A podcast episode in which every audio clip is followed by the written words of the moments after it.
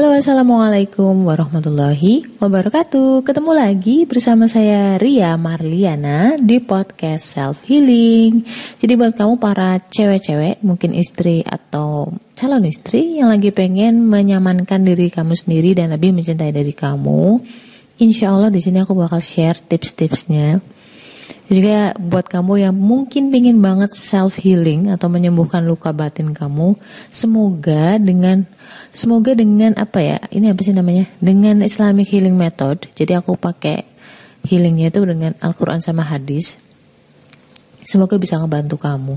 So di sini gue nggak bakal bilang gue bakal nerapi atau apa, ndak, karena memang sesungguhnya yang menyembuhkan itu Allah atas izin Allah. Jadi kamu sendiri yang pasti bisa lah gitu. Dengan zikir, sabar dan sholat insya Allah bisa. Oke, okay. gitu dulu lah basa basinya. ya kan barangkali ada yang baru pertama kali datang ke sini men, iya nggak sih? Kan sekarang udah banyak follower, udah jutaan, ratusan juta follower gue Amin. Enggak deng. Baru beberapa. But it's okay lah. Karena aku nggak ngejar follower juga. Yang penting uh, andai kata memang ilmuku ini ilmu dan pengalaman saya bermanfaat. Aku cuma minta sama Allah biar semakin diperluas aja gitu loh, nggak cuman di uh, setitik atau beberapa orang, tapi aku berharap jika memang bermanfaat buat banyak orang di sini dan juga di akhirat nanti, semoga bisa semakin diluaskan gitu. Oke, itu dulu. Dan itu dulu emang mau pamit. aku mau ngebahas uh, salah satu titik krusial penyebab keributan di rumah tangga. Dan ini juga berlaku juga di Indonesia, kita kan orang-orang Indonesia, kita sering banget lihat di apa namanya sosial media itu banyak yang ribut. Sebenarnya apa sih akar permasalahannya dan bagaimana caranya biar kita bisa lebih uh, apa ya bijak menyikapinya. So jangan ke mana-mana, stay tune di sini. Punya masalah, curhatin aja di podcast Self Healing. So oke okay guys, balik lagi oke okay, Sista. Balik lagi di podcast Self Healing bareng Ria Marliana di sini. Ya sesuai janjiku tadi bahwa aku bakal share akar permasalahan yang bisa menyebabkan perceraian atau keributan besar di sebuah pernikahan, bahkan di sebuah negara. Sebelum aku cerita ke sana, aku bakal ngobrol tentang uh, fenomena ya, fenomena lapor melapor gitu.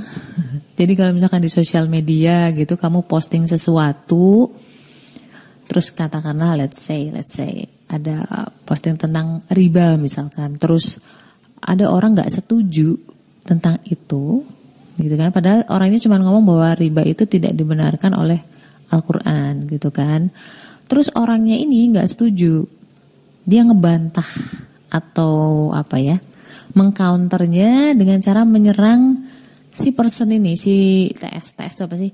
Yang ngepost gitu loh yang ngepost tentang riba. Misalkan dengan ngomong atau komen kayak gini itu emang mbaknya udah bisa ber, udah udah berkontribusi apa buat kita semua gitu? Udah bantu apa buat melunasi hutang-hutang kami gitu loh.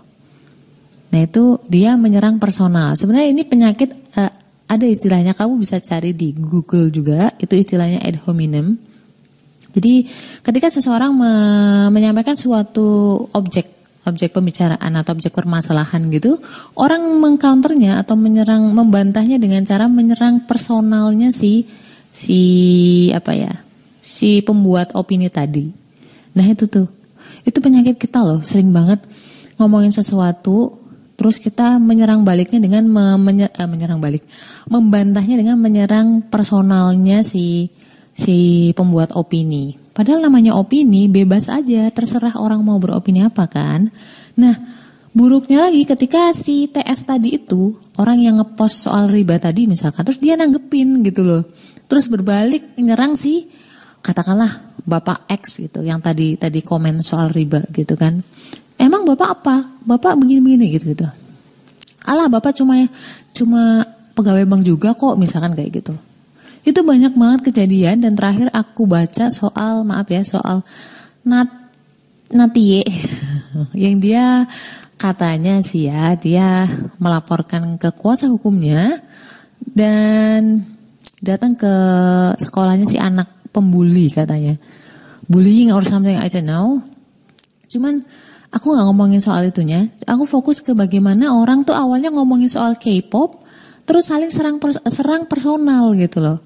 Dan ini sering banget kejadian juga di rumah tangga seperti itu. Ketika ada masalah, suatu masalah gitu, nanti bukannya fokus ke permasalahan, itu malah saling serang menyerang. Jadi antara suami nyerang personal istri, kamu sih bego misalkan kayak gitu. Itu kan malah nyerang menyerang nyerang si istri kan. Dan begitu juga sebaliknya dengan si istri nggak terima digituin, ah kamu itu loh udah dimasakin bla bla bla kayak gitu. Itu namanya nyerang personal by the way. Dan itu apa namanya? Bukannya masalah terselesaikan, tapi justru masalah akan semakin lebar dan gak akan pernah selesai.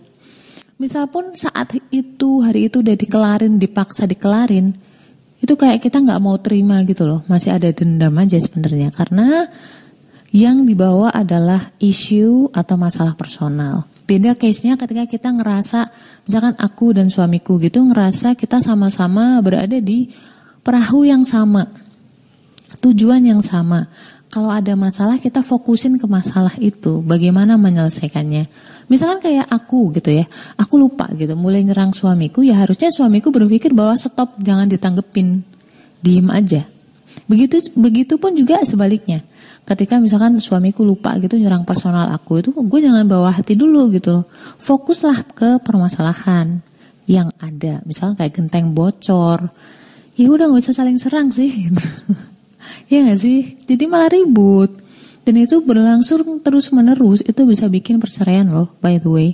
Karena apa? Karena kalau yang diserang isu personal itu jatuhnya nanti ke benci. Kalau benci apa aja udah jadi salah. Ya gak? Jadi kayak gitu guys. Itu bisa menghancurkan gak cuma rumah tangga loh, bahkan sebuah negara. Jadi selalulah di setiap persoalan apa pun fokus aja menyelesaikan masalah bareng-bareng. Bukan malah saling serang personal ya gitu.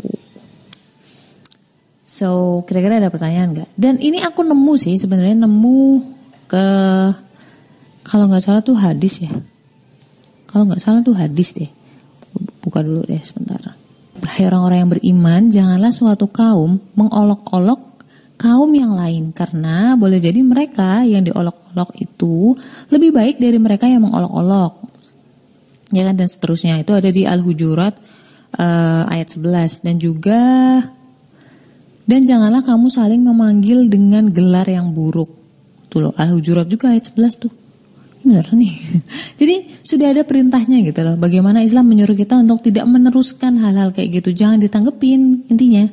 Dan ada juga hadis uh, riwayat Abu Daud dan juga Tirmizi. Jika ada seseorang yang menghinamu dan mempermalukanmu dengan sesuatu yang ia ketahui ada padamu, maka janganlah engkau membalasnya dengan sesuatu yang engkau ketahui ada padanya. Tuh kan, akibat buruk biarlah ia yang menanggungnya. Tuh. Jadi kalau misalkan mengolok-olok, kamu olok-olok balik, itu dua-duanya sama-sama jelek gitu. Dan kalau misalkan kamu diolok-olok, udah tenang aja.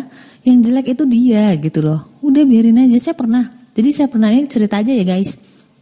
Saya pernah uh, memberikan komentar di salah satu uh, grup Facebook itu dia komen masalah riba aku cuma bilang bahwa yang ngomong haram itu bukan kita bukan para ex banker enggak tapi udah ada di Al-Qur'an aku kasih kutipannya terus ada yang komen balik mengcounter aku membantahku dengan statement emang mbaknya udah berkontribusi apa dalam hal ini gitu kan terus saya jawab uh, saya ngomongin soal riba, tetapi Bapak membantah saya dengan isu personal atau menyerang personal saya. Jadi saya tidak perlu menjawab. Udah habis itu aku tinggalin aku matiin notifnya. Kalau enggak enggak akan kelar-kelar hidup gue. Ya enggak. Maksudnya hidup kita terlalu singkat untuk ngurusin hal enggak penting seperti itu. Jadi kayak debat kusir gitu loh. Ya udah biarin aja subhanallah udah cukup gitu kan. So itu dulu kayaknya. For the next aku bakal share tentang ini lucu nih. Jadi buat kamu yang punya pasangan golongan darah AB, punya suami golongan darah AB dan kadang-kadang enak gitu sama dia, aku punya rahasia atau isi hati dan isi kepala dia yang mungkin kamu belum tahu, bahkan AB sendiri mungkin juga belum tahu. Tapi insya Allah ini lebih lebih valid karena aku punya banyak referensi golongan darah AB di sini. So guys, jangan lupa follow podcast aku, Self Healing Ria Marliana. Dan juga kalau kamu mungkin pengen chat aku untuk curhat atau apa pun lah permasalahannya. Semoga aku bisa bantu ya, semoga. Bisa kirim DM di Instagram at Ria Marliana87.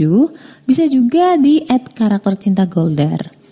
Kalau karakter cinta Goldar, semoga pas kebenaran aku yang handle. Kalau enggak langsung ke Ria Marliana87 aja ya.